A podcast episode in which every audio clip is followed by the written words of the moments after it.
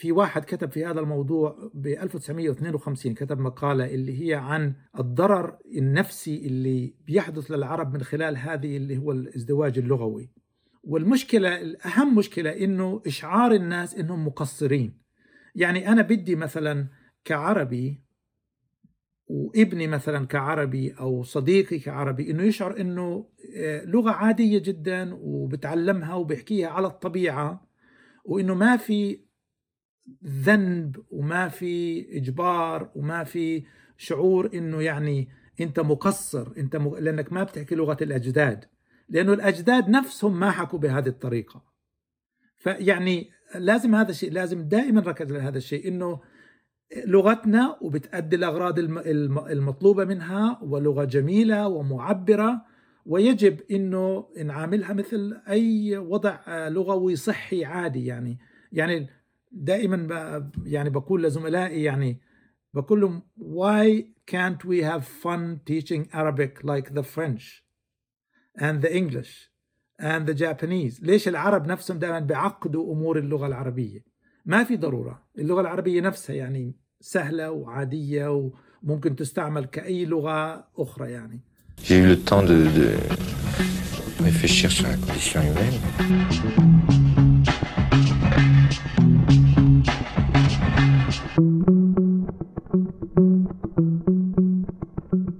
قبل ما نبلش هذه الحلقة بس حبينا نذكركم ما تنسوا تعملوا like و subscribe على اليوتيوب channel تبعنا وتخلوا reviews على كل المنصات الصوتية مثل Deezer Spotify انغامي و Apple Podcast هيك تخلونا review أو تعطونا هيك star rating مهضوم. وأكيد وإذا بدكم تدعمونا في Patreon بتعملوا vous قال بدي أحكي بالفرنساوي Patreon dot com slash سردي after dinner ولكل واحد بده يدعمنا. وإذا بدكم تشتروا تيشرتات hoodies في ال merch تبعيتنا على سردي after dinner dot com صح. وهي هي؟ ها هي. وهي هي. Let's start. منذر يونس welcome to سردي. لازم نقول لك مرحبا. اي لا لازم نستعمل كلمات بالعربي. لازم نحكي بالعربي اليوم. صرنا فترة أه، أنا ومعين أه، بدنا نستضيف أه، لغوي مثل ما عم نقول ونحن سألنا نحن بنتعلم عربي أنا خاصة أكثر من معين مع معلمتنا العربي يمنى شامي فكنا عم نسألها شو شو رأيها قالت لنا أوه ما لكم إلا منذر يونس لتسألوا الأسئلة اللي بدكم اللي بدكم تسألوها وتفهموا شوي أكثر بالمواضيع يلي بدكم تحكوا عنهم. أنا خاصة على الصعيد الشخصي آه، ما بعرف أقرأ وأكتب عربي عم بتعلم آه، بعرف أقرأ شوي بس عم بتعلم وعم بتعلم على الكتاب يلي أنت كتبته آه، عربية الناس منه موجود معي اليوم يا حبوب لبنان نحن هلأ بدبي. واللغة يلي أنا عم بتعلمها مش اللغة يلي الأولاد تعلموها لما كانوا صغار ما عم بحفظها عم بكتشفها. وعم بتعلم كلمات فدايما عندي أسئلة بلاحظ إنه هي هيدي الكلمة بتشبه الثانية شو خصهم ببعض. وهديك المرة كنا عم نحكي مع رفقاتنا كنت عم بقول إنه أنا اكتشفت إنه آه، أسامي الأسبوع آه، تابعين لأرقام. يعني أحد واحد تنين اثنين ثلاثة ثلاثة. طلعوا فيي وقالوا هي نحن ما بحياتنا آه، انتبهنا على هيدا الموضوع. قلت لهم لأنه أنتم حفظتوا. بالمدرسة كانوا حافظ مش فاهم. حاف إيه مزبوط اكزاكتلي عم تبلع اللغة ما كثير بفكر فيها. تبلعوا اللغة فاكتشفت اكتشفنا إنه نعرف لغتنا بس ما بنعرف كتير عن لغتنا. فقبل ما نبلش ونسألك الأسئلة يلي بدنا إياهم بدنا نعرف عليك وأنت تعرف آه، على حالك. تفضل. شكرا. شكرا على الاستضافة أولا وأنا اسمي منذر يونس. آه، فلسطيني الأصل. يعني ولدت في الضفة الغربية في فلسطين بعدين درست في الأردن واشتغلت شوية بالسعودية وكملت دراستي في أمريكا في ولاية تكساس. آه، حصلت على البكالوريوس من الجامعة الأردنية باللغة الإنجليزية كان تخصصي لغة إنجليزية. آه، بعدين جيت لأمريكا ودرست علم اللغة. اللغة يعني بشكل عام يمكن بعض الناس ما يعني بيربطوا علم اللغة بتعلم اللغات. أوكي. والحقيقة أنه هو يعني علم اللغة هو دراسة اللغة بشكل عام. يعني في آه، بذكر آه، أكبر عالم لغة مشهور بالعالم يمكن بالقرن العشرين اسمه آه، نوم تشومسكي. okay. وهو كمان مشهور في في السياسة لأنه بيكتب كثير عن الشرق مشهور. كتير إيه. إيه. إيه طبعا.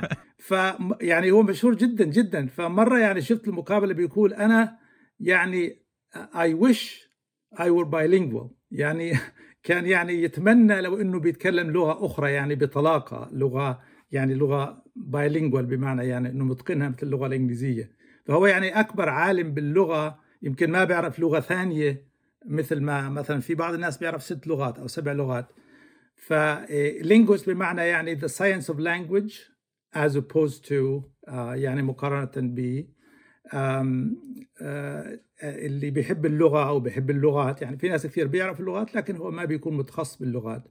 فالمهم أنا تخصصت في اللغة يعني درست علم اللغة وركزت على اللهجات العربية ودراسة الأصوات في اللهجات العربية وخصوصا اللهجة الفلسطينية اللي هي لهجتي يعني. حضرتك كمان أستاذ عربي آه كمان بتخصص بالدراسات القرآنية وأكيد بجامعة كورنيل كورنيل university مشان هيك نحن عزوم هلأ. okay. نعم أيوة. وعندك كمان دكتوراه إذا ماني غلطان. دكتوراه بالعلم إيه، صحيح. اللغة العربية. أنا مدير آه، برنامج اللغة العربية في كورنيل وعندنا طلاب بدرسوا اللغة العربية ك يعني لغة أجنبية. وكمان بدرس لغة القرآن يعني صار عندي اهتمام لأنه في عندي طلاب يعني عندهم اهتمام بهذه اللغة فبدأت بسبب اهتمام طلابي أدرس كمان لغة القرآن يعني. بشكل علمي إذا ماني غلطان وليس بشكل ديني. إيه، أكيد. طبعا هي من ناحية أنه لأنه القرآن يعني كنص يعني آه، مع الأسف يعني نادرا ما يدرس آه، دراسة علمية آه، يعني لغوية صحيحة.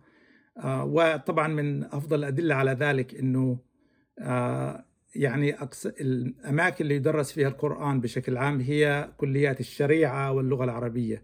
يعني لا تجد مثلا قسم أو كلية شريعة أو قسم دراسة دراسات قرآنية بالعالم العربي بيدرس القرآن مثلا في سياق آه، اللغات الأخرى. ومعروف طبعا إنه في لغات أخرى مثل اللغة العبرية واللغة السريانية واللغة الإثيوبية كان لها تأثير على القرآن. okay. فيعني مع الأسف هذا الشيء لا يحدث. يعني يدرس القرآن بس باللغة العربية في كلية الشريعة من ناحية دينية فقط. ففي كورنيل هون بنعمل يعني بندرس القرآن بشكل مختلف. وهو إنه ندرس اللغة دراسة علمية يعني ومقارنة كمان. فنحن عنا كتير أسئلة وبدنا نبلش بأول واحد لإذا ناخد خطوة لورا. من وين جاية اللغة العربية؟ هذا السؤال. أي. طبعا يعني آه، سؤال مهم ومنطقي جدا لكن مستحيل الاجابه عليه. من ناحية إنه يعني مثلا يعني بشكل عام اللغات تبدأ يعني الناس بيستعملوها بيحكوها كذا لكن بدون توثيق. يعني أول توثيق باللغة العربية مثلا مكتوب موجود في نقش بسيط يمكن آه، مجرد كم سطر يعني ترجع إلى تقريبا القرن السادس يعني قبل الإسلام بقرن تقريبا. واو. لكن بنعرف إنه مثلا اللغة العربية هي آه، إذا درست اللغة العربية دراسة مقار يعني دراسه مقارنة باللغات الأخرى بنعرف إنه هي أخت اللغة الأرامية مثلا وأخت اللغة العبرية اللي كلها لغات سامية واللي كلها تنحدر اللغات السامية تنحدر من عائلة أكبر اللي هي عائلة اللغات الافرو اسيويه أو الحامية السامية بيسموها أحيانا اللي هي مثل اللغة القبطية تعتبر يعني بنت عم اللغة العربية لكن مثل هذا. اللغة العبرية والأرامية وال- بما فيها السرياني طبعا والفينيقية والإثيوبية وفي لغة بسموها لغة جنوب اللغة العربية كمان اللي هي مش عربية مثل الإثيوبي تقريبا. هذه كلها يعني أخوات من عائلة اللغات السامية. وصعب جدا نقول مثلا إنه إنها بدأت في القرن الرابع آه، قبل كذا أو مثلا في في في الألف الأول قبل الميلاد أو الثاني. آه، العربي يعني توثيقه حديث جدا يعني مقارنة باللغة العبرية واللغة السريانيه العربي حديث. يعني أوكي. في باللغة العبريه في كتابات يعني ترجع إلى يمكن ألف سنة قبل اللغة العربية من باللغة أيوه بال آه، بالتوراة وكذا. أم بتعرف إيه، في شيء هيك بيضحك أه، لاحظناه. أول مرة حكينا معك تن- تنثبت هالموعد تنثبت هذه السردة. كنا عم نسألك أكيد شو هن المحاور اللي بدك تحكي فيهم. أكيد نحن كان عنا أسئلة وانت أه، كمتخصص باللغة العربية أكيد كان عندك أه، أه، مواضيع تحكي فيها. بس اللي حلو إنه لما سألناك حضرتك شو بدك عن شو بدك تحكي قلت لنا بدك تفكفك أساطير اللغة العربية. أنا ومدي بعدين طلعنا ببعض قلنا إنه أول شيء ما كنا عارفين إنه في أساطير للغة العربية. يعني انصدمنا. فإذا فيك آه، وأكيد إني لك بليز ما تحكي فيهم خلينا نخليهم للسرده فإذا فيك بركي تحكي أكثر عن هذا الموضوع شو قصدك بأساطير اللغة العربية وكيف فينا نفككهم؟ آه، بشكل عام يعني آه، اللغة العربية لأنها أولا قديمة وبعدين مرتبطة بتراث آه، تاريخي غني جدا يعني. لابد من الأساطير اللي تصاحب يعني هذا الانتشار. من هذه الأساطير مثلا أنه اللغة العربية أغنى اللغات بالعالم يعني وما في لغة مثلها. فمثال على ذلك إنه آه، عندنا ألف كلمة تعني الأسد وما بعرف مئة كلمة تعني الجمل نحن بنعرف أسد تعني وفهد. إيه في. في أسد وفهد صح؟ إيه في أسد وفهد وقفنا هون نحن يعني بعد في بعد في 998 كلمة بعد ما بنعرفها عن الأسد بس هل هل هيدا الشيء موجود يعني؟ لا ال- الصحيح يعني أنت لو سألت أي إنسان يدعي هذا الادعاء يعني يقول له طيب ممكن تحكي لي هذه الألف فبيقول لك أسد وسبع وليث ودرغام وممكن قسورة وبعدين بعدين بشكل عام بيوقف يعني قبل يمكن سبعة أو ثمانية أو شيء هيك. فأعتقد هذه يعني من الأساطير المنتشرة إنه آه بس طبيعي جدا يعني إنه الناس آه يعني بسبب حبهم في اللغة ولغتهم وفخورين بهذه اللغة. آه لكن اللغة يعني بشكل عام أعتقد يجب أن ينظر إلى اللغة العربية يعني اللغات ما فيها اللغة العربية. إنه آه اللغة بشكل عام يعني توجد لخدمة مستخدميها. يعني مثلا إذا نظرنا الآن للوضع اللغوي في العالم ممكن نقول اللغة الإنجليزية هي أغنى اللغات. ليش؟ لأنها لغة عالمية والكل بيستعملها وبينشر فيها وبيكتب إلى آخره. فلو مثلا أحصينا عدد الكلمات في أي مجال يعني في اللغة الإنجليزية ممكن تكون أكثر من لغة أخرى. وفي بعض اللغات مثلا يعني مثلا في آه، إثيوبيا في جنوب إثيوبيا في حوالي 200 لغة في منطقة محصورة يمكن بحجم سوريا أو أقل من حجم سوريا يعني عدد كبير من اللغات حسب القبائل ما هيك؟ حسب القبائل الموجودة بهيدا بالضبط، ال- أيوة. إيه، يعني. كل قبيلة لها لغة وبعض اللغات حتى مش مكتوبة يعني لكن يعني آه، من ناحية مثلا عدد الكلمات أو الأدب المكتوب أو شيء لا تقارن باللغة الإنجليزية. لكن من ناحية خدمة المستخدمين يعني الناس في هذه في قبيلة معينة بحاجة إلى عدد معين من الكلمات ولغتهم قادرة على التعبير عن كل حاجاتهم اليومية. فاللغة يعني بتتسع وتضيق حسب الحاجة يعني وحسب آه، غنى الثقافة وحسب اللي حاصل في اللغة يعني. فاللغة ما- لا تختلف عن غيرها في هذا المجال. تفضل. مثل ما كنت عم بتقول آه، كنا عم نحكي إنه الأسكيمو عندهم آه، عدة آه، كلمات ل... للثلج هيك؟ لأنه أكيد. عايشين بهيدي البيئة وإذا في نوعيه ثلج معينة هن بيحكوا يعني عندهم اسم معين لإله ف بعتقد كمان في سؤال تاني بدنا نسألك إياه هو شو هو أول كتاب انكتب باللغة العربية؟ هو أكيد في كتب في كتب يعني كتبت باللغة العربية قديمة يعني لأنه الكتابة كانت معروفة قبل الإسلام يعني كانوا مثلا آه، يكتبوا آه، معاهدات ويكتبوا اتفاقيات ويكتبوا آه، إذا مثلا للتبادلات التجارية مثلا كان في أشياء تكتب شيء كان معروف يعني. لكن أول كتاب كتب باللغة العربية اللي بنعرفه الآن يعني المتداول اللي هو القرآن آه، يعني كتاب كامل. لكن في ناس طبعا ما بيعرفوا هذا الشيء إنه القرآن ككتاب يعني ورقي أو شيء مصنوع يعني مجلد موجود أول نسخة كاملة من القرآن بين أيدينا ترجع للقرن العاشر تقريبا. لكن آه، معروف إنه كان موجود بالقرن السادس بالقرن السابع يعني لأنه رسالة النبي محمد كانت بين 610 ميلادي إلى 632 تقريبا يعني حوالي 23 سنة. ففيها يعني نزل القرآن حسب الاعتقاد الإسلامي يعني. وبعدين تم تدوين القرآن في زمن عثمان بن عفان سنة حوالي 650 ومن يومها يعني معروف إنه عندنا كتاب مجموع بشكل مصحف كت- كتاب مجلد واحد. ويوجد بعض ال بسموها فراجمنتس يعني. قطع من هذا الكتاب يعني صفحات معينة موجودة في بعض في بعضها في باريس موجود بعضها في لندن. ترجع إلى نهاية القرن السابع يعني 670 680 فهذا يعني أول توثيق لكتاب باللغة العربية. بعد بعدين صار نوع من يعني ضعفت ما بعرف بالضبط إيش اللي صار لكن يعني أول كتاب بعد القرآن نشأ اللي هو كتاب سيبويه بالنحو العربي. اللي هو تقريبا في نهاية القرن الثامن 700 آه، أيوة تقريبا يعني نهاية الثامن وبداية التاسع. آه، كتاب عن النحو العربي اللي هو يعني هذه الكتب يعني بعد القرآن نشأت كتب كثيرة جدا هي لخدمة القرآن يعني تفسير وكتابة القواعد وضبط اللغة وكل هذه الأشياء.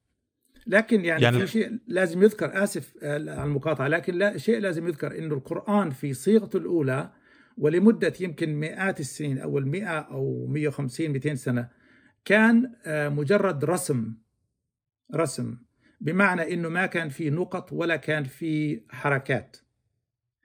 يعني مثلا كلمة يعلم ممكن تقرأ تعلم أو نعلم. أول نسخة. أول ما كان في نقطتين يعني الآن نماذج منها موجودة عندنا يعني أوكي. موجودة في آه آه في هذه المخطوطات الموجودة الآن في باريس وفي لندن اللي ترجع للقرن نهاية القرن السابع يعني 680 تقريبا 690 اللي هي بداية الحكم الأموي الإسلامي. كانت تكتب واضح جدا أنه لا ما مش موجود فيها نقط. يعني كثير مثلا كلمة آه، ختار بعض الناس قرأوها جبار. ولذلك كان في اختلاف في قراءة القرآن. يعني في كثير من الكلمات كان بعض القراء يقرأها بشكل وبعضهم بشكل مختلف لكن الرسم نفسه. يعني ممكن تغير النقط ممكن تغير الحركات آه، تغير الإعراب لكن الرسم كان نفسه.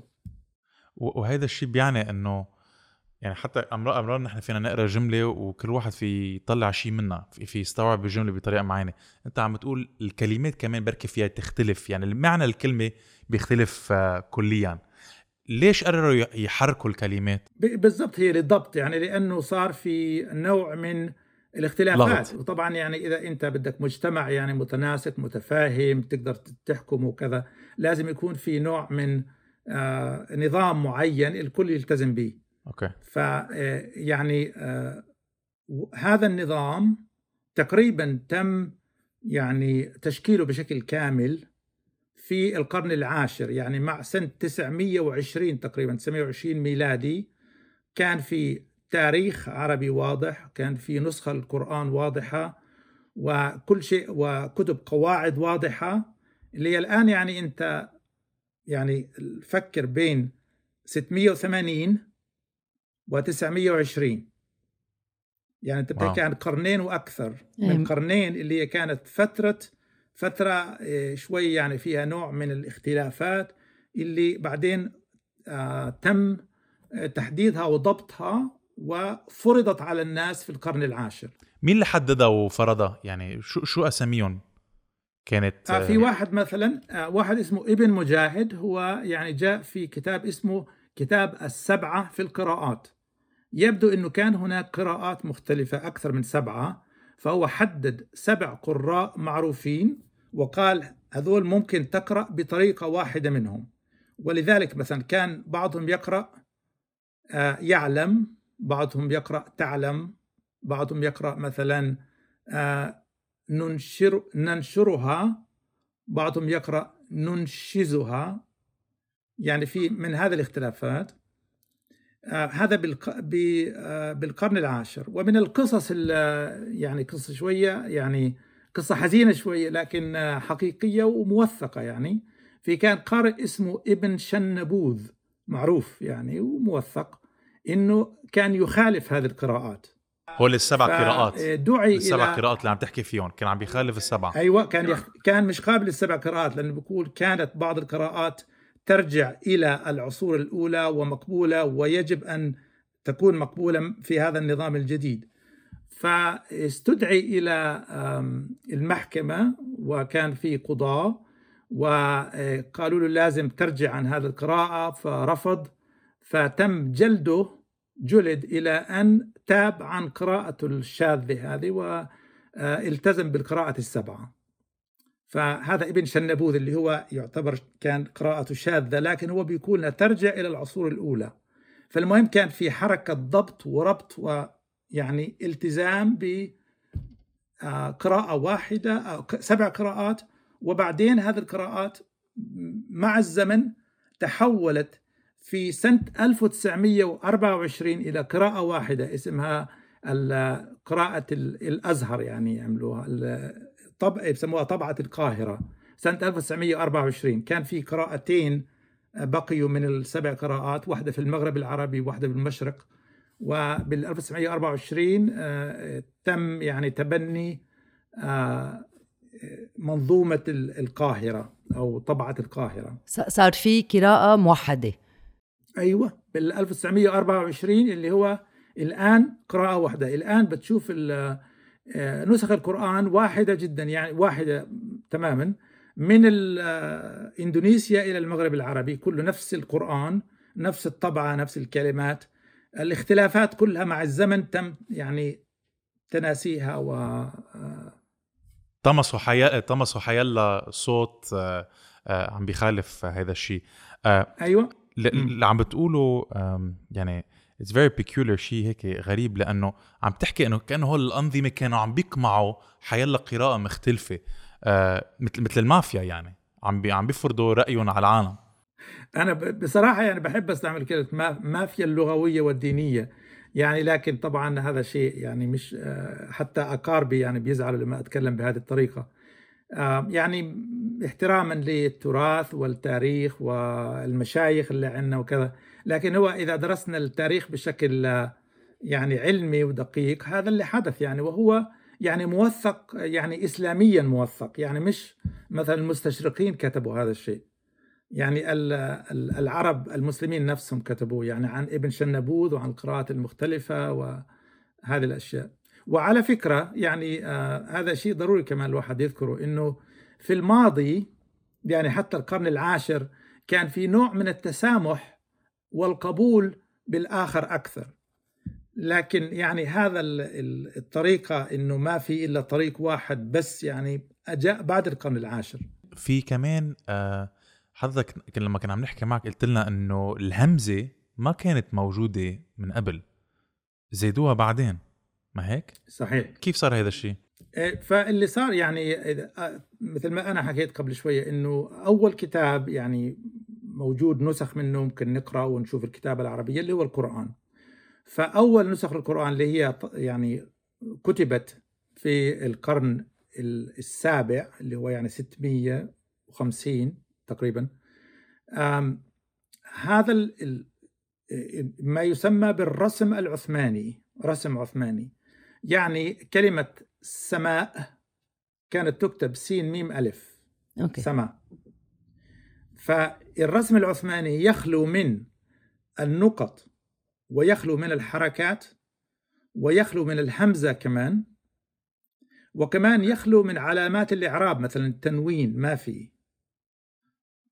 فيعني لما تشوف مثلا آه، آه، بسم الله الرحمن الرحيم راح تكون يعني الباء راح تكون مثل التاء والثاء والياء والنون. أنا يلي يلي بدي أرجع له اليوم لما. لما بتقرأ ال... النص ما بيكون محرك يعني بالجريدة بال... بالجرايد بالمجلات آه، بال... بالكتب يلي محرك هو الكتب للاولاد يعني أنا هيك لأنه هيك. بدرس فبعرف إنه محركين فبعرف وين في آه، وين في شدة وين في كسرة وين في فتحة يلي أنا عم بستغرب وهون آه، فيك تقول إنه في ناس اخترعوا لغة لأنه النقط كتير مهمين لأنه هول خصهم بال بالحرف. يعني إذا ال- الب والت والته ما بعرف كيف بنلفظهم بس إذا نعم. الب والته والياء كلهم ما في نقط تحت والآن كمان ما في. يعني فيك تعمل اللي بدك إياه ب- بكلمة بجملة وبنص كامل. عملوا اللي بدهم إياه فيه. مزبوط صحيح صحيح. بس ال ال هو في يعني آه، مثلا أنا يعني درست اللغة العبرية كويس واللغة العبرية عندهم نفس المشكلة تماما لكن ما عندهم إعراب وما عندهم مشاكل النقط والحر... يعني عندهم مشكلة الحركة. مثلا كلمة كتاب فرضا آه، بيكتبوا كاف تا با. لكن معروف لأنه إذا تعلم الواحد في المدرسة بيعرف إنه كتاب بمعنى يعني بوك تلفظ هكذا. يعني هم كلمة كتاب هي سفر سفر تكتب سين فارا سفر سفر معروف. والمتعلم يعني بيعرف هذه الأشياء والجريدة الجرايد العبرية واللي بي كمان بيقرأوا الأخبار وكذا ما بيكون عنده حركات. ما يعني هو بيعرف لأنه مثقف بيعرف وما عنده مشاكل الإعراب ما عندهم إعراب باللغة العبرية مثل اللغة العربية. م. فبعض الأشياء ضرورية. يعني مثلا إذا أنت ما كتبتي باء أو ما حطيتي نقطة تحت الباء ما بتعرف إنها باء. إيه. فهذا ضروري ضروري. م. في كلمات بالقرآن آه آه يعني عم بيستعيروا من لغات تانية أو أو استوردوا من لغات تانيين آه في كلمات جديدة طلعت فجأة. هو القرآن طبعا يعني لا يدعي إنه القرآن نفسه بيكون قرآن عربي مبين بمعنى إنه يعني لغة عربية. طبعا لغة عربية مفهومة. لكن لا يخلو من الكلمات المأخوذة من لغات أخرى. يعني مثلا لغات اللي لها علاقة بالأثاث. أوكي. يعني السجاد مثلا والأبريق مثلا أبريق نمارق أواني سندس استبرق كل هذه كلمات أجنبية إما من الفارسي اللغة الفارسية يبدو الفارس الفرس كان عندهم حضارة متقدمة جدا في هذه النواحي أو من اليونان اليونانيين مثلا من الأب من أغرب الأشياء إنه مثلا كلمة صراط بالقرآن. نعم. صراط هي يعني كل مسلم تقريبا بيقرأ اهدنا الصراط المستقيم. صراط صراط هي كلمة مش عربية ابدا ولا علاقة بكلمة street يعني اللي هي هي أصلا من اللغة اللاتينية strata stratum بمعنى إنه بمعنى الطريق المستقيم يعني لأنه كانوا الرومان يبنوا شوارع مستقيمة جدا في هذيك الفترة.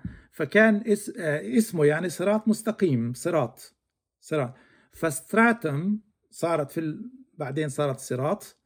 وصارت عربية وتلفظ بأشكال مختلفة. وفي البداية كانوا يعني أول المسلمين الأوائل كانوا يعترفوا بهذا الشيء. ما كان في عندهم أي مشكلة في قبول الأجنبي في اللغة العربية. لكن بعد مع الزمن تطورت فكرة أن القرآن عربي فقط. ففي واحد مثلا اسمه الراغب الأصفهاني كتب أنه وكلمة صراط ليست أجنبية أبدا. وهي تأتي من كلمة سرط الطريق أي سرطه يعني سرط بمعنى استقام في مشي سرط يعني بتعرف لما الواحد يبتلع شيء يسرط. يعني الطريق سرطته وهذه كلمة الصراط منها يعني. طبعا شيء غريب جدا يعني بس هذا اللي اللي صار يعني. والآن ممكن حتى إنه تشوف بتشوف ناس كثير يعني بيزعلوا إذا قلت القرآن في مثلا كلمات مأخوذة من لغات أجنبية. أو في دخيل على بس سؤال بس بس ليه بيعملوا هيك؟ يعني ليه بيجربوا يغيروا معنى الكلمة أو بيجربوا ينكروا جذور الكلمة؟ ليه هيك بيصير؟ هي يعني تعرف النزعات القومية الموجودة في كل الأمم. يعني دائما الواحد بيحب إنه هذا عربي مثلا مثل واحد يقول لك أنا ألماني وبس أو أمريكي وبس أو فرنسي وبس كذا فرنسي أو هيك. يعني أعتقد فيها هذا النوع من النزعة يعني.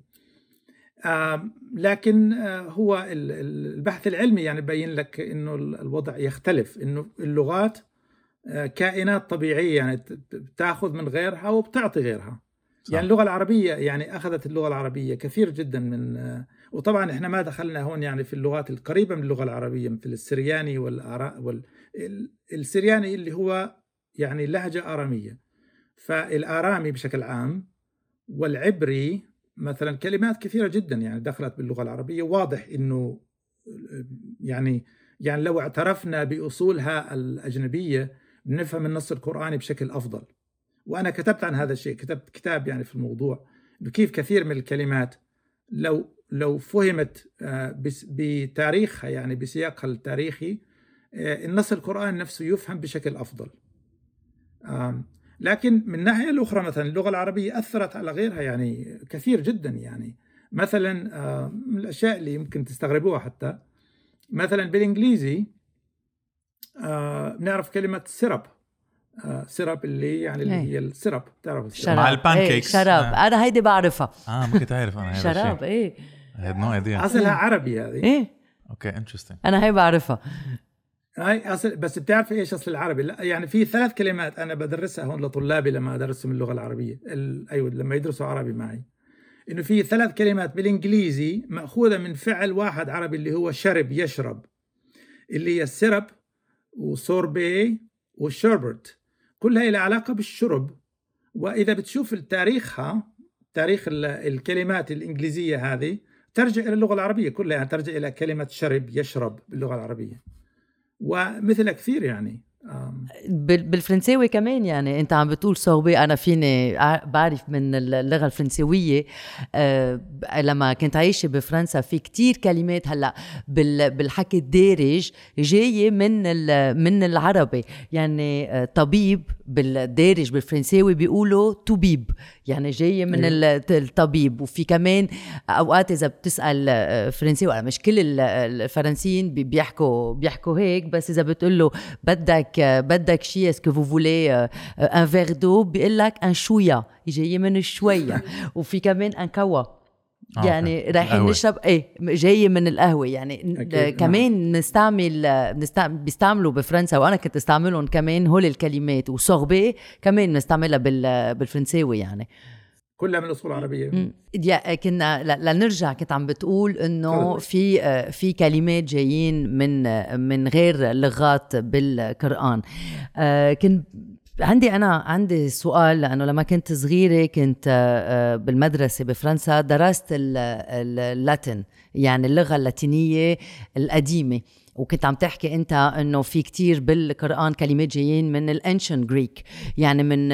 من اليوناني آه، أنت اليوم آه، بتعتبر إنه اللغة العربية فيها تتطور أو فينا نقول إنه اللغة العربية مثل ال- يلي كيف نوصف ال- اللاتين وال- واليوناني ال- القدام يعني ال ancient مثل بيقولوا بالفرنساوي langue morte يعني لغة ميتة آه، في طبعا موضوع مهم جدا ويعني آه، كتب عنه وتكلموا عن الناس كثير. دائما يعني موضوع آه، مثل ما بيقولوا بالإنجليزي it's hot topic دائما يعني بتشوفي مثلا آه، في عدة حلقات على الجزيرة مثلا في الاتجاه المعاكس. يعني بيجي واحد مثلا بيأخذ وجهة نظر معينة وواحد بيأخذ وجهة نظر أخرى عن اللغة العربية. فاللغة العربية يعني مثل أي لغة مهمة تاريخيا ولها تراث غني جدا. فلا بد من مشاكل ترتبط بهذا الشيء. يعني تفضلت أنت وحكيت عن ال- اليوناني مثلا. اليوناني كان يعني في حضارة يونانية قديمة وتاريخ قديم وعريق وغني جدا. فكان عندهم مشكلة إنه يعني الاحتفاظ باللغة القديمة مع واللغة كما يعني مثل ما حكينا إنه كائن يتطور. يعني لا ما ما في يوم تتوقف اللغة هي بت- في تطور مستمر فلغات مثل اللغة الإنجليزية مثلا آه، لأنه ما هي يعني آم، مثقلة بعبء التاريخ. مسموح يعني ما عندها مثلا كتاب مقدس باللغة ال- إنجليزية. اللغة الإنجليزية القديمة. فيعني من لغة تشاوسر للغة شكسبير للغه الحالية يعني في تطور مستمر والناس يعني بيواكبوا هذا التطور ماشيين معه. لكن أنت لما عندك مثلا لغة تراثها يرتبط بالقرن السادس مثلا أو القرن ال- الألف الأول قبل الميلاد. فأنت حتى تحافظ على هذا الشيء كما هو أنت يعني تمشي ضد التاريخ ولازم يكون فبصير نوع من آه، آه، يعني الصدام بين الحفاظ على التاريخ ومواكبة التغيير. فهذه اللغات يعني صار فيها نوع بيسموه آه، يعني وضع لغوي بيسموه دياغلوسيا اللي هو يعني ثنائية اللغة. يعني اليونان كان عندهم والصينيين كان عندهم والعرب عندهم وكمان اليهود عندهم. لأنه اليهود مثلا لما يعني أقاموا دولة إسرائيل سنة بداية لما بدأوا يعني بدأوا المشروع الصهيوني في فلسطين بالقرن العشرين كان اللغة مهمة جدا يعني لازم إنهم يحيوا اللغة. فكان هناك يعني قضية إنه نجي باللغة القديمة مثلا اللغة العبرية القديمة لغة التوراة أو لغة جديدة فاتفقوا على خلق لغة جديدة اسمها العبرية الجديدة وال-. واللغة الأخرى تركوها للمعابد okay. التوراة لغة معابد كمان الصينيين عملوا تحديث لغوي ببداية القرن العشرين مع صار ثورات وتغيير كمان يعني قالوا إنه ال Mandarin Chinese الآن الصينية الماندرين راح تكون اللغة الرسمية لغة المدارس والتعليم والحياة اليومية. آه، اليونان اتخذوا قرار في 1976 البرلمان اليوناني كان عندهم نمطين من الوا- القديم اسمه كان كثاريفوسا وديموتيكي اللي هو الشعبية.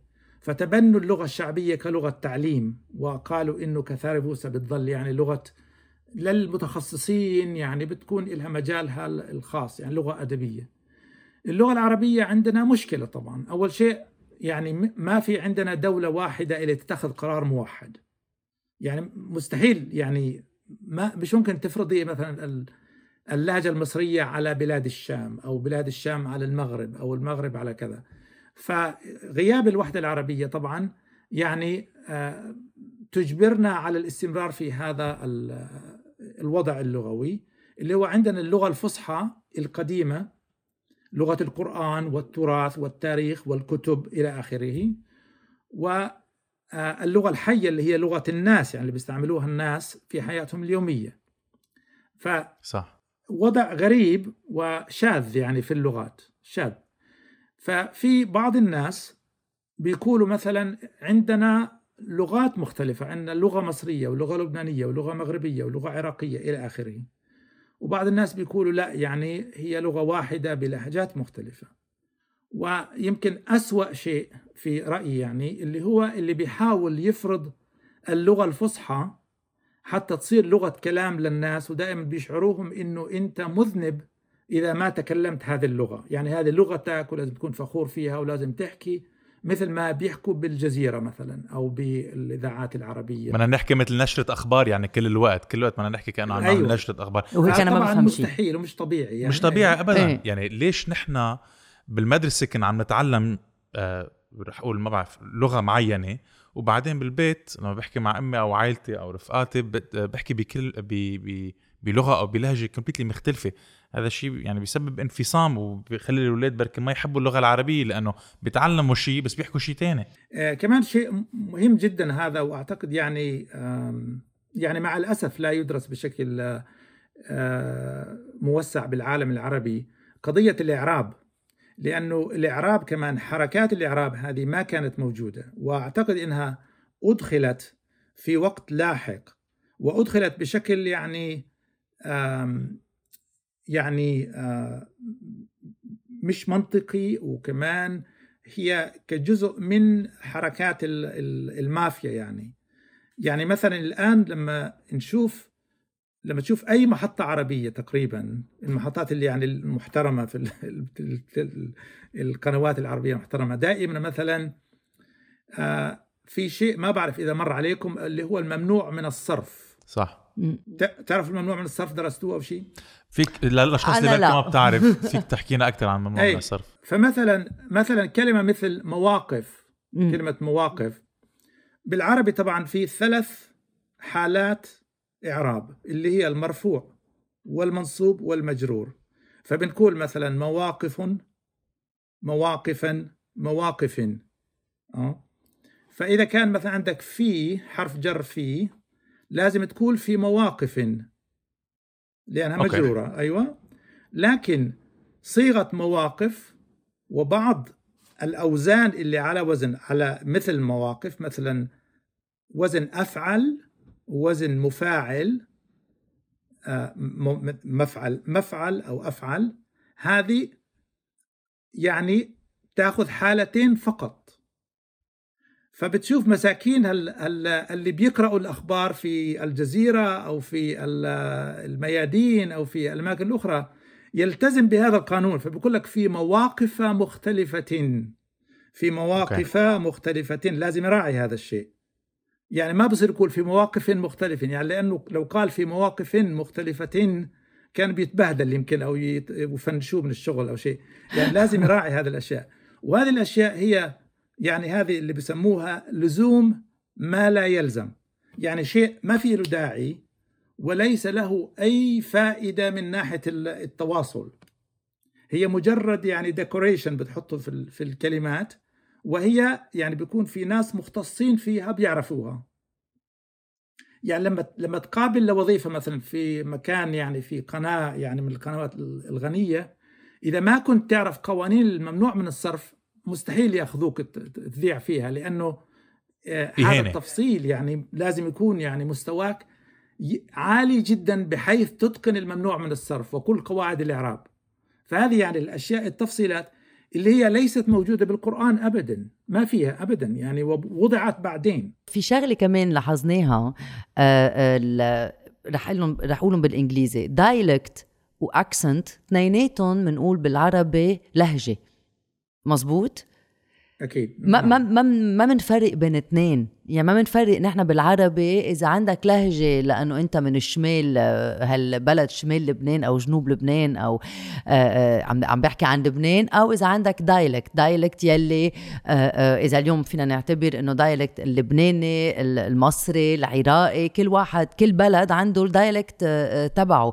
أنا كان عندي سؤال كنا عم نحكي عن اللاتين وعن اليوناني وكل هول كيف تقدموا.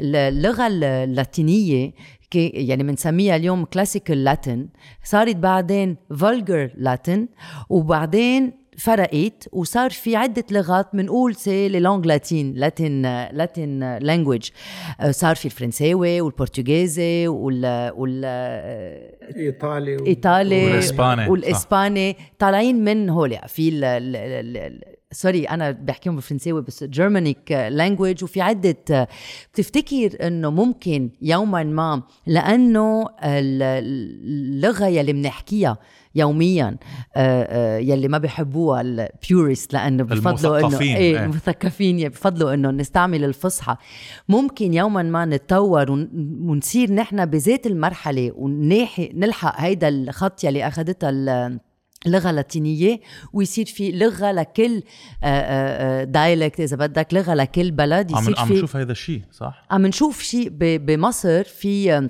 صاروا بيقولوا هيدي اللغة المصرية وبالمغرب صاروا يبلشوا يكتبوا كتب بيقولوا دارجة دارجة إنه هيدي اللغة المغربية يلي هن بيحكوها آه، الدارج يعني كنا نحن بنسميه بالكتب، دارج؟ إيه في كتب آه، مكتوبين آه، آه، طبعا سؤال وجيه مهم جدا يعني يعني مش سهل الإجابة عليه بجملة أو جملتين أنا بعتقد يعني الوضع العربي آه، في عامل موحد وفي عوامل مفرقة يعني من الأشياء الموحدة إنه العرب نفسهم طبعا في استثناءات يعني لكن العرب نفسهم من المحيط للخليج يعني كما يسمونه آه، بيفكروا أنفسهم إنهم امه واحدة يعني وفي بينهم تاريخ مشترك وأكثرهم طبعا دين مشترك. واللغة المشتركة إلى آخره. آه، فالعربية الفصحى رغم إنه آه، مش لغة يومية وطبيعية وبيستعملوها الناس إلا إنه لها دور موحد. يعني رغم إنه ما- أنا ما بحب آه، يعني موقف الجزيرة وفرض الأشياء على الناس إلا إنه آه، رغم هذا الجزيرة والقنوات الأخرى اللي بتستعمل الفصحى لها دور موحد من ناحية إنه كل العرب تقريبا بيسمعوا نفس الشيء.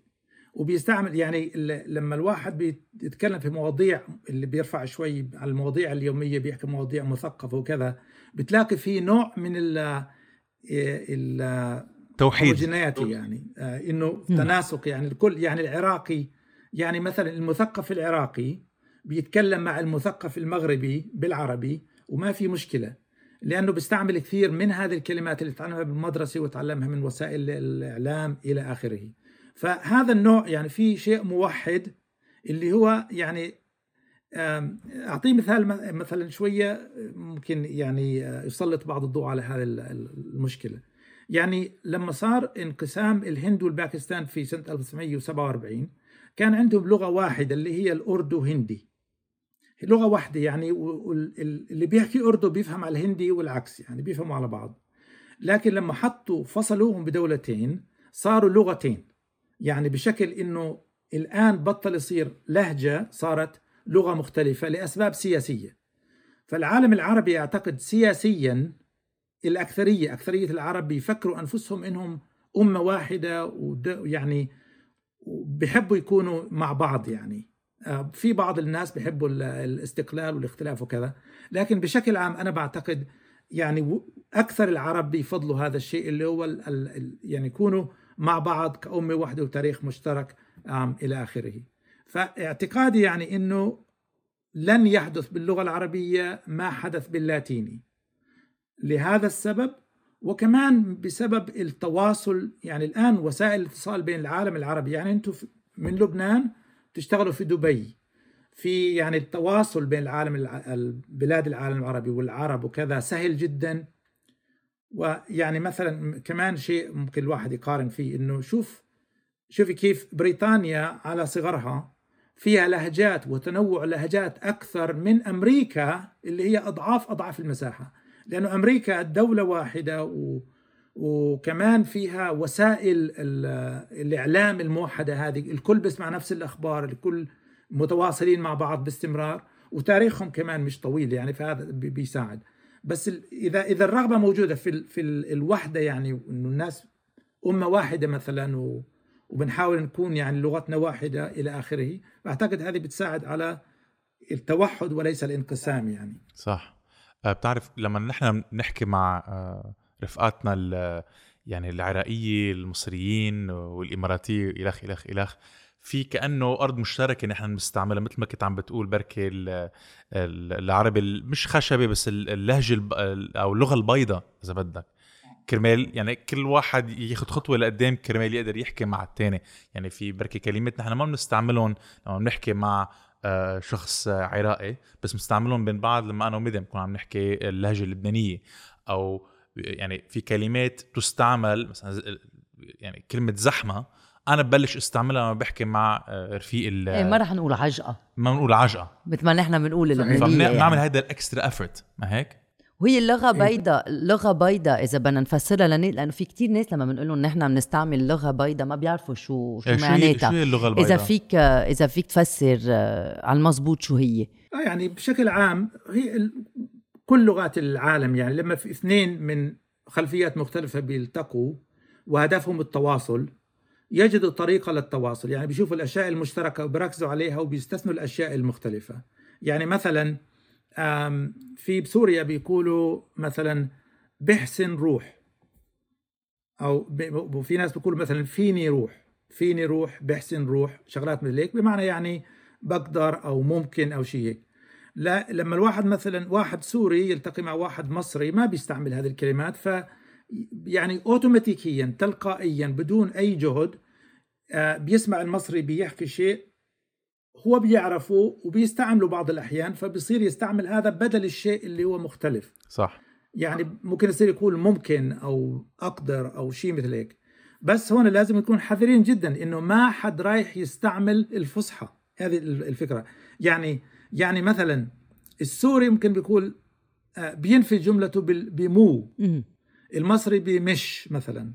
يعني الاثنين لما يلتقوا ممكن بعد إذا مثلا واحدة من سوريا تزوجت واحد مصري وبعد مدة اثنين يعني واحد بيقول مو واحد بيقول مش رايحين يتفقوا على شيء معين اللي هو مثلا مش أوكي. أو مو. أوكي. بس ما رايحين الاثنين ينفوا جملهم بليس ما حسب رايحين يقولوا حسب حسب مين. مسيطر على الثاني يعني. بعتقد. ممكن ممكن هذا ممكن لا. يعني السيطرة ممكن تيجي سيطرة ناعمة يعني مش ضروري يكون. فالفكرة إنه وهذه الأشياء بتصير بشكل تلقائي ومش محسوبة يعني. يعني أنت تلقائيا بتصير تستعمل الأشياء اللي هي لتسهيل التواصل بين الناس يعني. صح عفويا بتصير. ع- عفوي بالتأكيد يعني اللغة هي يعني عفوية و- وبتعتبر اليوم يعني اللغة البيضاء يلي بنستعمل كلمات فصحى يلي هن مشتركين يعني بين آه، مزبوط الشعوب. اللغة البيضاء فيها تكون الحل بين الشعوب لأنه اليوم نحن بنحكي إنه نحن عرب بس.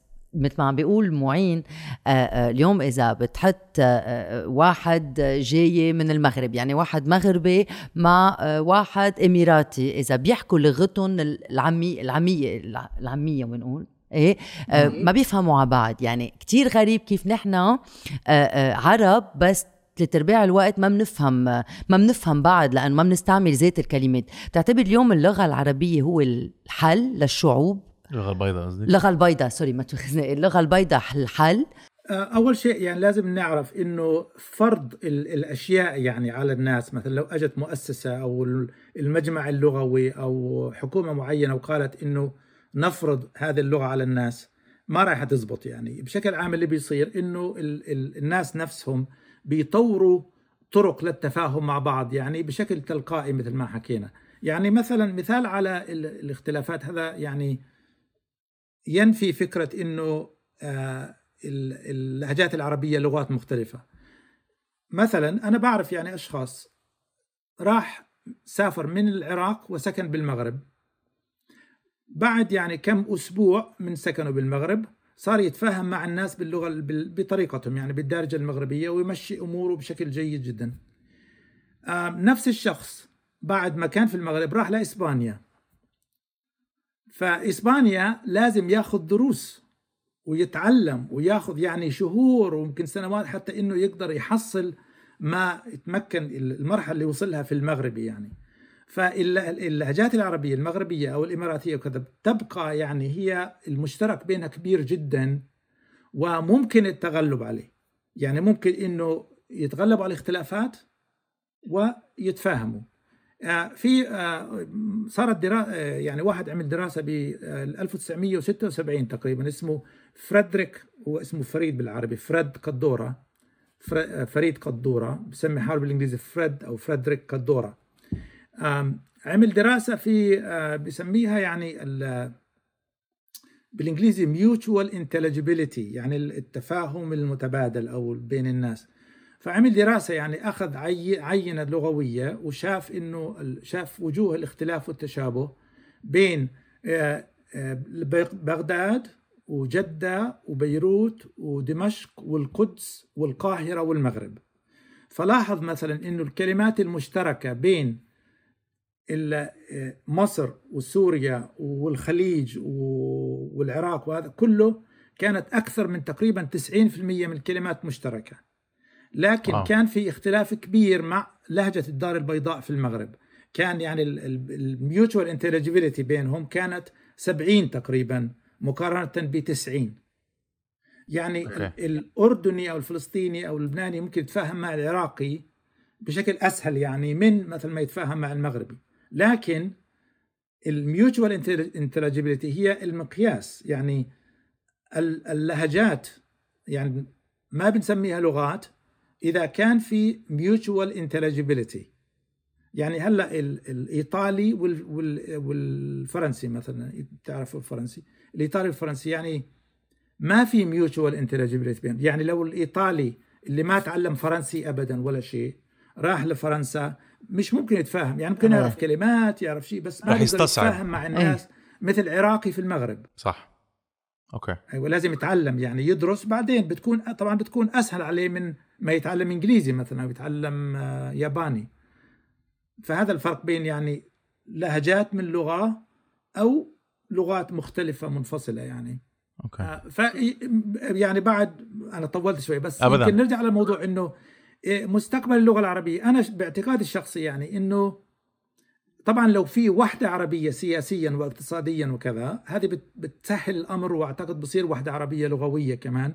وممكن إنه يعني آه، مش يفرض إنما يعني يختار لهجة معينة مثل لهجة مصر أو بلاد الشام أو شيء أو الهلال الخصيب أو الخليج العربي اللي تصير يعني لغة المدارس يعني ممكن تستعمل في المدارس في التعليم ممكن هذا الشيء. آه، في غياب الوحدة العربية أنا بعتقد الميديا الآن لها دور مهم جدا والتواصل بين الناس التواصل على مستوى السفر والتواصل الشخصي يعني وكمان التواصل بالوسائل المختلفة طبعا اللي هو سهل جدا يعني الناس من المغرب للجزائر للخليج العربي لسوريا بيتفاهموا باستمرار باستعمال اللغة العربية بما فيها الفصحى والعامية طبعا. صح. يعني نحن كمان فينا نشوف بالمسلسلات آه يعني نحن قدرنا نفهم بركي اللغة المصرية من وراء آه اللغة عفوا ال- اللهجة المصرية من المسلسلات اللي كنا نحضرها من زمان. آه هلأ كمان آه المسلسلات ال- السورية وال- واللبنانية و يعني س- س- العالم بلشت تحضرها أكثر وأكثر فبركي هذه صارت اللهجة السائدة أو اللهجة اللي العالم بتحضرها أكثر أكيد مثل عم تقول الإعلام بيلعب دور كبير to how to mainstream لهجة معينة كرمال نفهم بعض أكثر وأكثر أنت باعتقادك شو أسهل لهجة للأشخاص يفهموها؟ آه، طبعا هذا سؤال يعني منطقي لكن صعب الإجابة عليه جدا. لأنه بيعتمد مثلا بالنسبة للبناني والسوري يعني السوري بيفهم على اللبناني السوري ال- يعني بلا- أخذت بلاد الشام على بعض بيفهموا كثير. في لكن مثلا للمغربي يعني المغربي مثل ما إحنا بنقول المغربي صعب علينا هم كمان بيقولوا السوري صعب عليهم يعني مش سهل. آه okay. إيه. إلا إذا كانوا طبعا سامعين آه، فيروز كثير أو آه، مسلسلات غوار أو شيء اللي هي طب بتغ... بت- يعني بتقرب. شوية. صح. فهذا من الأشياء اللي هي ممكن يعني تدرج تحت بند الخرافات يعني اللي كثير بيقولوا إنه في لهجات عربية مثلا أقرب للفصحى. هو الصحيح صعب جدا إنك تقول مثلا اللهجة المصرية بعيدة عن الفصحى لكن لهجة مثلا ال- الخليج أسهل أو أقرب للفصحى. مهم. الحقيقة أنه يعني تجد باللبناني أحيانا بعض ال- المظاهر اللغوية أو الح- الأشياء اللي ممكن تكون يعني فصحى أقرب للفصحى بكثير من لهجة خليجية مثلا.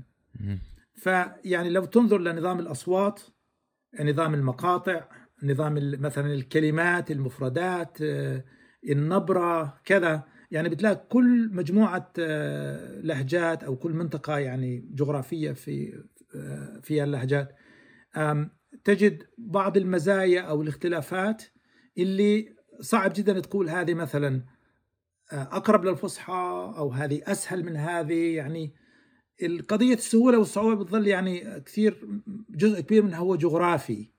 يعني الأقرب جغرافيا بيكونوا أسهل الأقرب ثقافيا كمان. أوكي. آم، في آه، شيء يعني أعتقد آه، يعني له علاقة بهذا الموضوع وهو قضية آه، في كثير مثلا الناس لما بيحكوا عن لهجات شمال أفريقيا. بيقولوا هي خليط فرنساوي مزبوط. عربي كذا. فاللي حاصل إنه آه، لما العرب يعني خرجوا من الجزيرة العربية بالقرن السابع والثامن يعني بداية الهجرة العربية مع الفتوحات الإسلامية في كان يعني في هذه الأماكن كان في لغات موجودة أصلا. يعني في بلاد الشام كان في السرياني الآرامي سرياني موجود في مصر كان القبطي موجود وهذه تركت آثار كبيرة في اللغة. يعني كثير من الأشياء الكلمات مثلا أو التراكيب أو كذا بتلاقيها موجودة في آه، اللهجة لهجة بلاد الشام أو مثلا سوريا ولبنان بالتحديد أو غائبه من مصر تماما. آه، أعطيكم مثال مثلا في في القواعد. بنقول في لبنان وسوريا بتقولوا أنا آه، قلت له لأحمد. صح. قلت له لاحمد يعني اي سد بال... طبعا سد تو أحمد يعني. حكيت لاحمد هذه مثلا مش موجودة ابدا في أي لهجة عربية أخرى. هذه بتكون تأثير آرامي بالأصل يعني مأثر فيها الآرامي و... وصارت جزء من منظومة ال- ال- اللهجة في هذه المنطقة. وكمان الأمازيغي له أثر في شم- شمال أفريقيا. هذه الأشياء اللي بتميز اللغات أحيانا. بس طبعا هي كلها صارت عربية يعني صارت ال- الأشياء هذه جانبية جدا ومحدودة وكذا الطابع العربي غلب عليهم كلهم. كمان نحن نحن بنواجه مشاكل بلبنان لأنه المدارس بيعلموا آه، مش كلهم بيعلموا بالعربي في مدارس بيعلموا ال- الأساس تبع يلي بيعلموه أو بالإنجليزي أو بالفرنسي. بتذكر أنا مرة كنت كان عنا اجتماع آه، بتعرف الأهل وال- والأساتذة وإجت معلمة العربي وعم بتقلنا إيه لاحظنا إنه كلكم كل الأولاد عندهم آه، صعوب ليحكوا ليحكوا عربي لأنه أنتم بالبيت بتحكون أو فرنساوي أو إنجليزي وثلاث أرباع الوقت لما بتحكوا عربي مع الأولاد لا تعيطوا عليهم. فبيصيروا الاولاد ما بيحبوا اللغة يعني بنقول للولد نحكي فرنساوي بعدين بنقول له please عمل معروف فوت على اوضتك اسكت لازم تاكل وهيك so so, فكمان مش بس المغتربين كمان بالبلد يلي انت عايش فيه حسب كمان ثقافتك أو كمان اللغة يلي وين درست. بتحكيها وين درست كمان في في اختلاف يعني أكيد طبعا هي آه، يمكن لبنان تكون حالة خاصة يعني آه. آه. يمكن لبنان فيها أو يمكن المغرب العربي كمان اللي هي يبدو يبدو ما بعرف يعني ما درست الموضوع أنا بشكل آه، يعني متعمق لكن يبدو الأماكن اللي كان فيها الوجود فرنسي تعمق أكثر مثلا من الوجود الإنجليزي. okay. يعني مثلا ال- الإنجليز ما تركوا بصمة في مصر أو في الأردن أو في العراق مثل الفرنسيين ما تركوا بصمة في لبنان وشمال أفريقيا. يعني البايلينغواليزم يعني قضية ال- الازدواجية اللغوية في شمال إفريقيا ظاهرة يعني إيه. موجودة عند الجميع الكل يعني ابتداء من تونس تونس الجزائر المغرب وموريتانيا يعني فرنسي عادي ف يعني ممكن الواحد ينظر لها من وجهة نظر أخرى وهي إنه يعني في كثير ناس مثلا لما آه، نوع من الدفاع عن اللغة العربية بيقول لك اللغة العربية في خطر ليش؟ لأنه مثلا اللغات الأجن... اللهجات من ناحية واللغات الأجنبية من ناحية وكذا. لكن أنت لو تدرس يعني تدرس التاريخ بتشوف إنهم كانوا يستعملوا نفس الشيء في القرن العاشر والقرن الحادي عشر. صار لهم يعني ألف سنة تقريبا بيحكوا بي بيحذروا من الخطر على اللغة العربية. إيه، وما ومن اللهجات تغيروا العربية وكذا. وبعدهم عم بيكرروا هذا الخطاب يعني ال- اللي بيخوف اللي بيجرب يجيش العالم لا لازم نحافظ على اللغة وبيسبب تشدد يعني. أيوه أيوه. بس هي الحقيقة يعني أنت يعني أنا ردي ما يلي إنه عندك أنت 350 مليون أو 450 مليون عربي تقريبا. فأنت شوف مثلا قديش بيحكوا العالم عربي وقديش بيكتبوا عربي وقديش بيقابلوا بالعربي وقديش بي بيتقاتلوا بالعربي. ويعني عربي عربي ويعني كيف هذه اللغة ممكن تندثر يعني؟ كيف رايحة تروح؟ صح. وهذه يعني مئات السنين هم يحكوا نفس الكلام اللي يعني بصراحة كلام ما له طعم يعني. لأنه اللغة موجودة واللغة هي اللغة تعيش وتقوى وتضعف مع الناس يعني. اللغة نفسها مش شيء منفصل عنهم. أنت تكون قوي موحد اللغة بتتوحد يعني. صح صح. كنت عم تحكي عن bi bilingualism bilingualism bilingualism بال- بالفرنساوي انه انه نحن بلبنان أو بال بالمغرب كتير تأثروا بالفرنسي ونحن كمان بلبنان تأثرنا بالعثمانيين. يعني أنا بعرف إنه من ب ب بتركيا اليوم إذا بتروح على المطار بت- بتقرأ جمرك ونحن بنقول جمرك أو جمرك حسب إذا بتلفظ الجه أو ال أو الج آه، في كمان كنت عم بتقول كنا عم نحكي كمان عن الإسكيمو. البيئة بتأثر كمان على الكلمات يلي نحن بنستعملهم. كان عندها كان عندك سؤال انت عن الليمون إيه ف, ف يعني بدنا نعرف ليش العالم بتقول ليمون ليش العالم بتقول حامض ليش العالم بتقول زحمة وليش العالم بتقول عجقة. أو برتقان للليمون يعني. هو يعني لما كنا ندرس آه، لغوية آه، كويس الواحد يعني. أنا دائما بنصح طلابي هون ياخذوا كورس ب introduction to linguistics يعني ياخذ كورس بال linguistics مهمة جدا و يعني الواحد بيتعلم منها أشياء كثيرة يعني يقال من الأشياء المسلمات يعني إنه يعني أنت كشخص ما بتحكي نفس الشيء في وقتين مختلفين بنفس الطريقة. فالاختلاف يعني جزء جزء لا يتجزأ من أي شيء بتعمله. وإذا أنت مثلا توسعت شوية واثنين بيحكوا يعني أنتوا الاثنين بتحكوا بنفس اللهجة مزبوط؟ مهم. لكن ما بتحكوا بنفس الطريقة أبدا يعني صوتك بيختلف نبرتك بتختلف إخراجك للأصوات بيختلف يعني في أشياء مشتركة وأشياء مختلفة. فهي مثل مثلا لما أنت تشوف شجرة بتنمو في الطبيعة يعني أنت ما بتلاحظ الشجرة وهي تكبر لكن بين سنة والثانية بتشوف إنه تغيرت يعني صارت بدل ما كانت متر صارت مترين لكن أنت ما بتشوفها بتنمو. أوكي واللغة بنفس الشيء يعني ال- الأشياء اللغوية الموجودة الاختلافات بين الناس الموجودة صعب جدا إنك تشوفها لكن بالتأكيد موجودة وكل ما توسعت البقعة الجغرافية بتزيد هذه الاختلافات بتزيد ال- الاختلافات بالأصوات بالكلمات.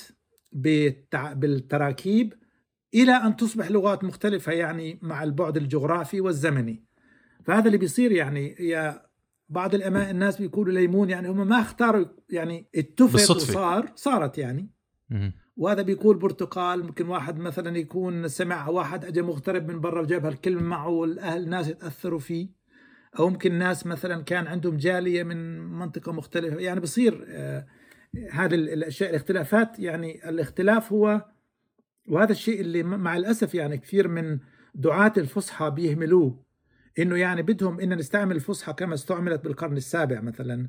وهذا مستحيل لأنه اللغة باستمرار تتجدد يعني وتتطور. فالتغير والتطور جزء لا يتجزأ من المنظومة اللغوية. والاختلاف وارد ومهما حاولنا نوحد لازم يكون في بطبيعتنا يعني. مثل ما بنكون صغار وبنكبر وبننمو وبنموت وإلى آخره اللغة هيك تماما يعني. كنت عم لك بأول الحلقة إنه أنا عم بكتشف لغة وكتير مبسوطة لأنه هي مش اللغة الأساسية اللي أنا كنت بحكي فيها بحكي فرنسي لأنه لأنه عشت هونيك وللاسف ما بعرف اللغة العربية. كنا عم نحكي عن الحب وهديك مرة لما تحدثنا قبل ما نعمل هالحلقة اليوم بكتشف وبرجع بسأل. اليوم لما اثنين بيتزوجوا بالعربي بالفرنساوي بالإنجليزي بيقولوا بحطوا رينج بالفرنساوي اليانس يعني الاينس لأنه كان اتفاق عادة بين عائلتين ليخلوا الثروة أو الأراضي. بالعربي بنقول محبس. مزبوط محبس. يعني أنا قلت أنا طب محبس حبس محبسة. يعني كتير يعني بالعربي إن إحنا بنعتبر إنه الزواج حبس. سؤال حلو. اولا ممكن تكون هذه الكلمة جاي من مكان آخر فكويس إنه مثلا شوفي إذا بتشوفي قاموس سرياني أو شيء هيك ممكن يكون لها آه، حابسة ممكن يكون لها معنى آخر. ممكن. هذا يعني احتمال. الاحتمال الآخر طبعا بالتأكيد يعني ثقافيا كلمة الالاينس اليانس الفرنسية يعني هذه طبعا أعتقد واضح إنه في يعني لها تاريخ ومنطقي جدا. آه، فبالعربي في كلمات كثير أعتقد ممكن الواحد يقول عندها تاريخ. نفس يعني مثلا كلمة الطلاق اللي هي بمعنى يعني التحرير بمعنى حر طليق. الطلاق هو تحرير شخص من عبودية شيء هيك. في كمان فإذا إذا الطلاق يعني. إذا الطلاق التحرير ممكن يكون مزبوط إنه الزواج حبس يعني. يمكن المحبس. يعني اذا ممكن. ما أنا بصراحة يعني ما بعرف العلاقة بينهم لكن لازم أشوف كلمة محبس من وين أصلها يعني. أم آه غريبه شوي. لكن في كمان شيء ثاني وهو طبعا بتعرفوا أنتم العربي مثله مثل اللغات السامية الأخرى. في شيء يميزه يميزه بشكل يعني آه، عندك نظام رائع يعني من ناحية التنظيم آه، كأنه يعني كأنه برنامج كمبيوتر. من ناحية إنه عندك مثلا حوالي 4000 جذر 4000 5000 جذر باللغة العربية.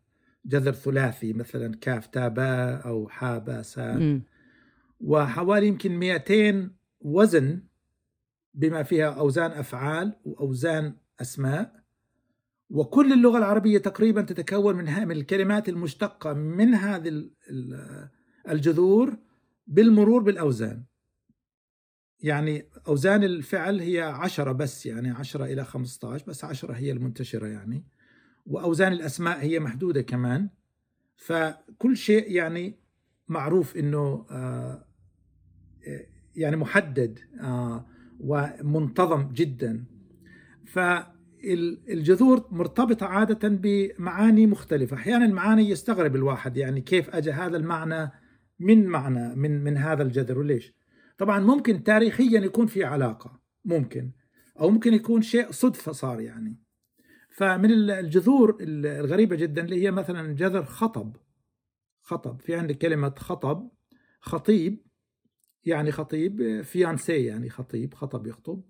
وخطب يخطب خطاب في مسجد مثلا خطبة خطاب.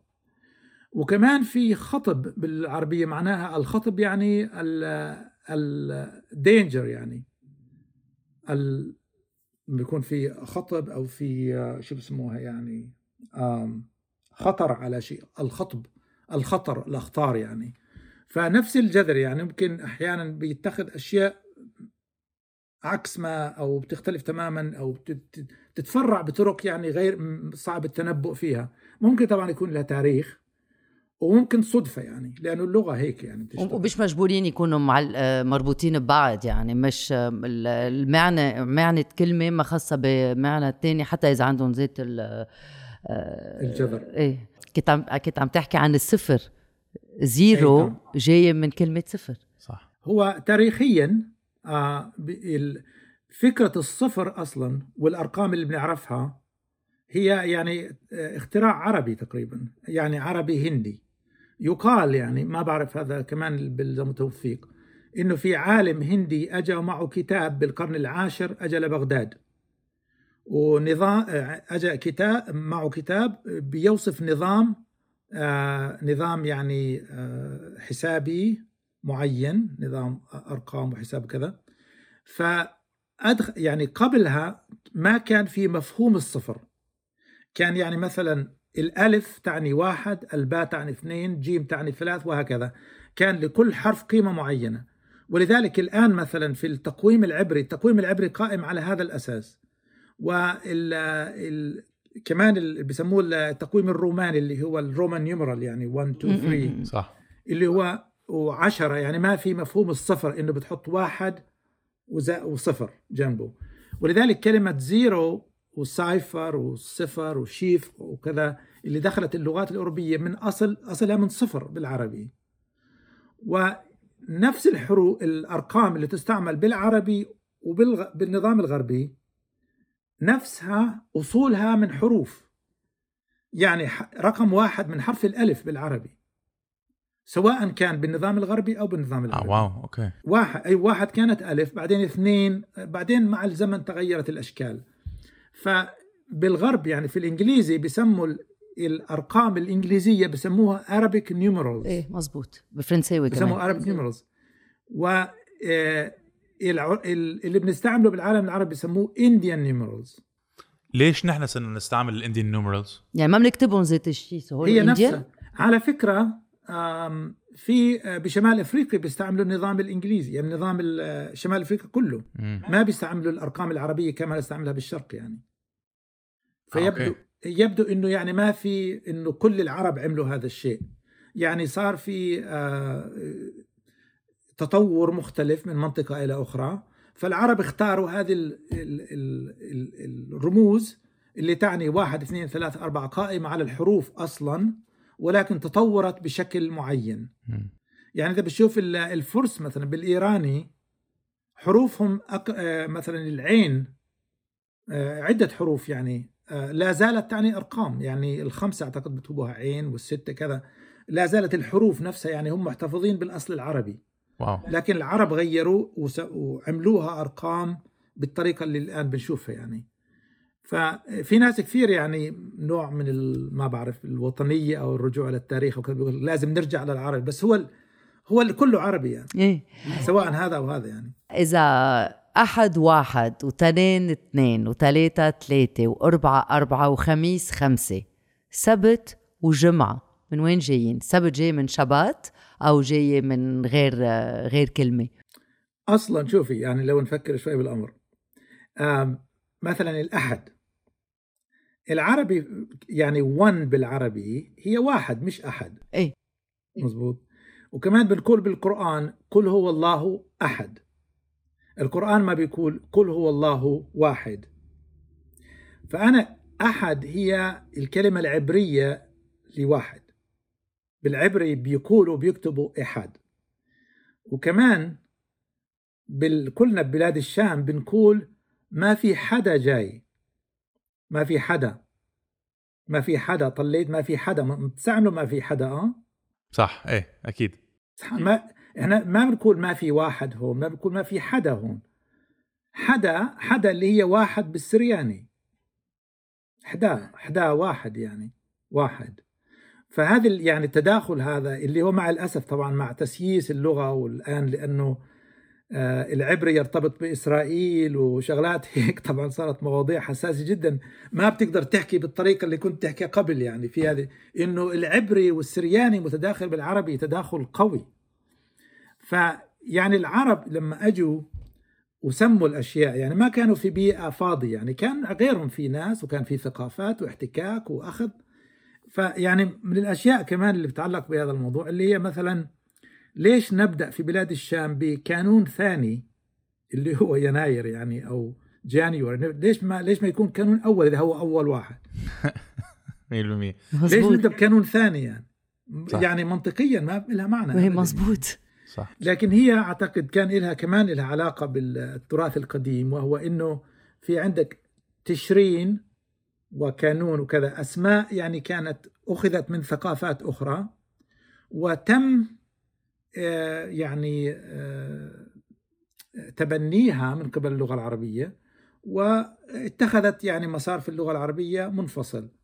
فنرجع لواحد أنا بعتقد إنه أحد هي يمكن من العبري. أحد أحد يمكن رغم إنه بالعبري الحديث ما بيستعملوا واحد بمعنى السندي يعني. بمعنى الأحد بيستعملوا ريشون يعني معناها الأول. أوكي. وبعدين ريشون شني شليشي وهكذا يعني. الثاني الثالث الرابع الخامس إلى آخره. الجمعة يمكن يمكن لها علاقة بالتجمع لل- للصلاة يعني لأنه عند المسلمين يعني الجمعة تجمع أو كذا. رغم انه يمكن تكون الكلمة موجودة أصلا قبل الإسلام ممكن يعني. وهي بمعنى التجمع والناس بتجمعوا ممكن بتجمعوا لسوق بتجمعوا لشيء معين في هذا اليوم. يعني في ناس بيقولوا مثلا سوق الخميس أو سوق كذا ممكن كان سوق هذا اليوم اللي هو سوق التجمع يعني سوق جمعة اللي كان معروف إنه يعني التجاره كانت. والسبت أنا بعتقد له علاقة بالسبت اللي هو الشبات يعني اليهودي. أعتقد في السبت والسبت وكذا. اللي هو ال- الراحة وال أيوه الاستراحة آه أنا عندي عندي سؤال كمان آه للغة العربية. آه قبل ما قبل ما ننهي هال هالحلقة يلي أنا كثير كثير انبسطت فيها. ليه بال أول شيء ليه بنكتب من اليمين آه للشمال؟ وليه ما في capital letters بالعربي؟ آه، السؤال الاسهل بالأول اللي هو ال capital letters يعني طبيعة اللغة العربية. هي يعني ال capital letters أعتقد هي ظاهرة يعني آه، موجودة في اللغات الأوروبية يعني في ال- اللي بتكتب بالحروف اللاتينية والحروف يمكن حتى ال- اليوناني طبعا ال Cyrillic كمان بيستعمل الحروف ال capital letters ما بعرف ليش يعني آم، طبيعة العربي يمكن طبيعة ال- الحروف العربية شكل الحروف العربية. أنا ما بعرف يعني حتى اللغة العبرية مثلا والسرياني وكذا ما عندهم مفهوم ال capital letter مش موجود. أوكي. يعني السرياني مثلا في ثلاث أنماط ثلاث أنماط من الكتابة يعني وكله يعني ألف بائيه مختلفة عن الأخرى لكن ما في مفهوم ال capital letters مش موجود فيها ابدا.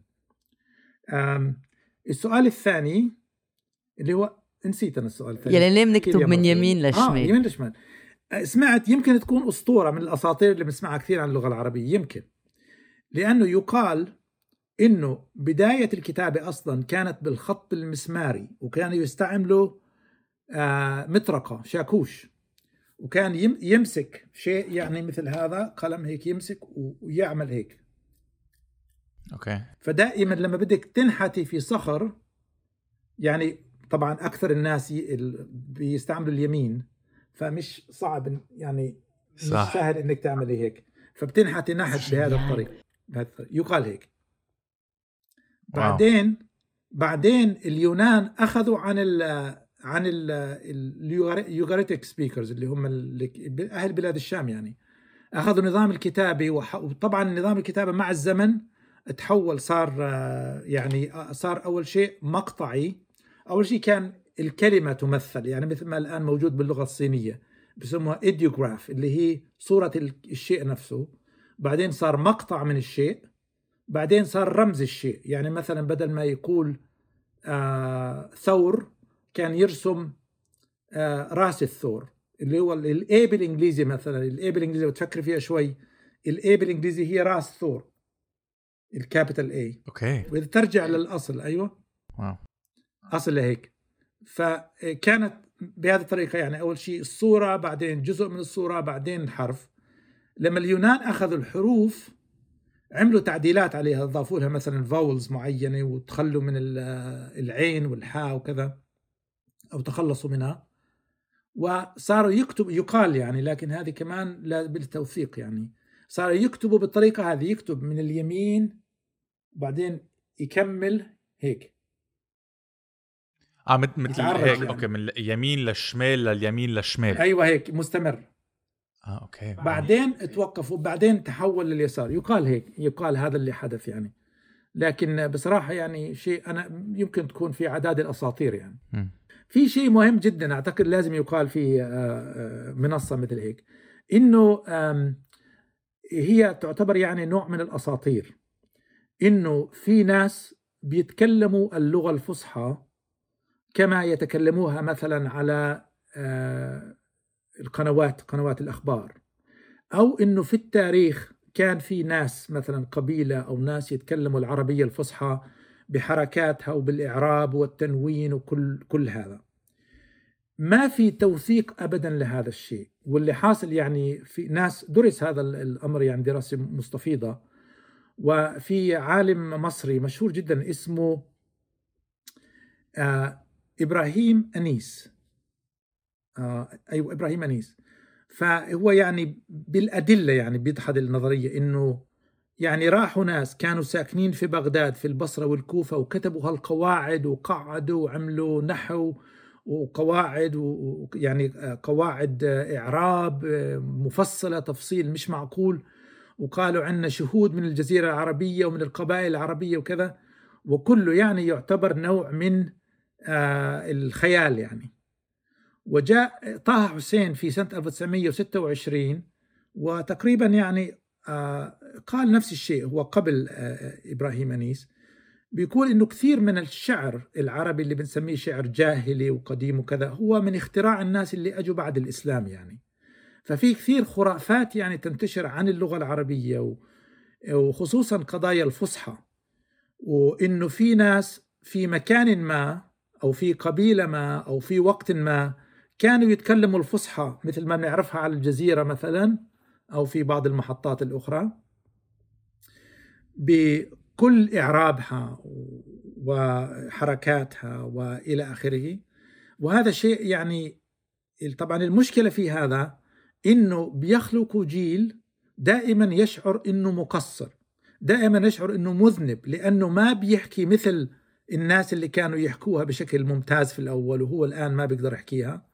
ودائما بيح يعني بيوروك كأنه ال- النمط أو النموذج الموجود في هذه القنوات هو النموذج اللي لازم يحتذى به هو النموذج اللي لازم الكل يلتزم به.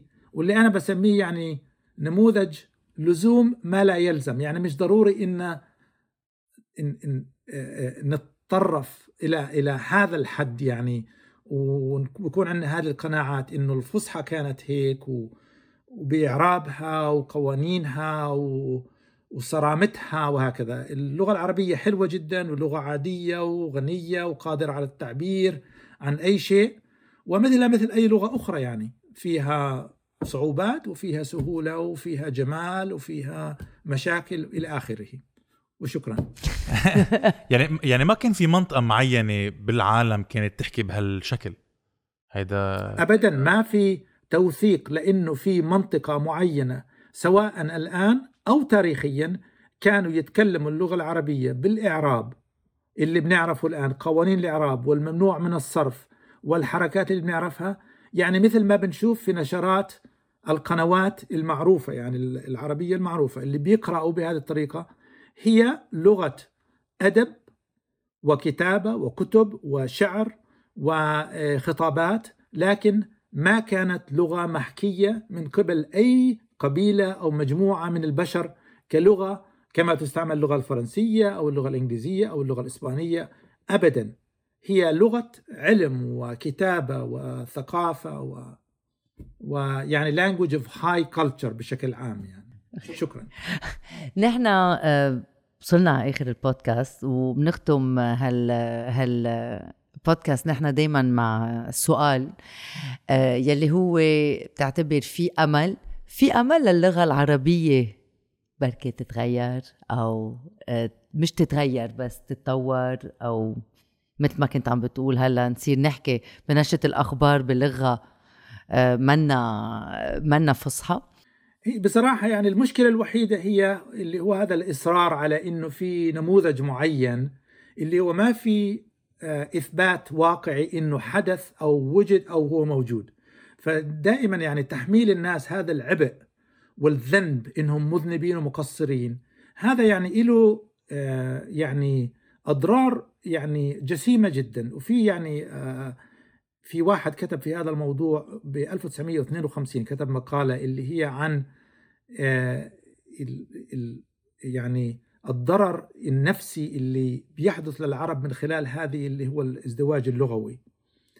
آه الكاتب اسمه شوبي وكتب المقالة هي باللغة الإنجليزية عن الأثر السلبي لا ازدواجية اللغة. والمشكلة الأهم مشكلة إنه إشعار الناس إنهم مقصرين. يعني أنا بدي مثلا كعربي وابني مثلا كعربي أو صديقي كعربي إنه يشعر إنه آه، لغة عادية جدا وبتعلمها وبيحكيها على الطبيعة وإنه ما في ذنب وما في إجبار وما في شعور إنه يعني أنت مقصر أنت م... لأنك ما بتحكي لغة الأجداد لأنه الأجداد نفسهم ما حكوا بهذه الطريقة.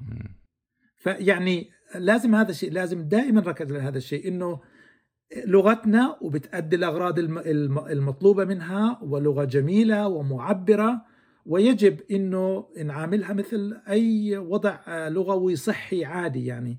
يعني دائما يعني بقول لزملائي يعني آه، زملائي اللي بيعلموا لغات أخرى زملائي اللي بيعلموا اللغة العربية بقول لهم why can't we have fun teaching Arabic like the French and the English and the Japanese? ليش العرب نفسهم دائما بيعقدوا أمور اللغة العربية؟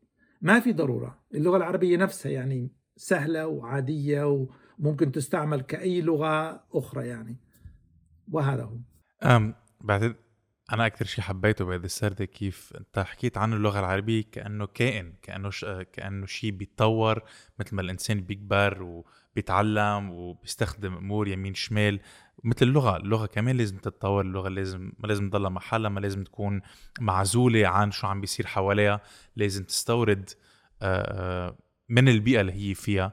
وما بحياتي كنت مفكر إنه هيك يعني هيك فيني أشوف اللغة العربية أو اللغة بشكل عام. بدنا نشكرك لهيدي السردة كثير تعلمنا عن عن اللغة وعن اللغة العربية. ما بحياتي كنت مفكر إنه هالقد فينا نتسلى نحن عم إيه نحن عم نتعلم اللغة العربية. إيه. بس شكرا عن جد شكرا لل شكرا لكم شكرا جزيلا. شكرا وأنا راح أروح أدرس بكتابك آه، عربية الناس لأنه كتير مبسوطة مش مثل ما ابني تعلم العربي آه، بالمدرسة. هذا الكتاب آه، رائع. ميرسي كتير لهذا الكتاب وكاتب عدة عدة كتب. على فكرة إذا بتحبوا إذا بتشوفوا فيسبوك أنا الآن بكتب على فيسبوك مقالات هيك يعني فكاهية وناقدة وكذا بعضها بالعامية وبعضها بالفصحى يعني لكن يعني فصحى بسيطة. فأصحابي يعني بيحبوها كثير وفيها يعني تعليق على الوضع السياسي والوضع اللغوي وعلى وفي عندي غنمات كمان بكتب عنهم بحكي باسمهم أحيانا يعني بيعبروا عن مشاعر ومشاكلهم وكذا. هلأ بنحط اللي كان بال link بال description للأشخاص اللي بدها تعرف أكثر اللي بدها تقري آه، مقالاتك أكيد آه، بنشجعهم يعملوا هذا الشيء. شكرا مهندس شكرا مهندس okay شكرا لكم. اهلين اهلين سلام مع السلامة.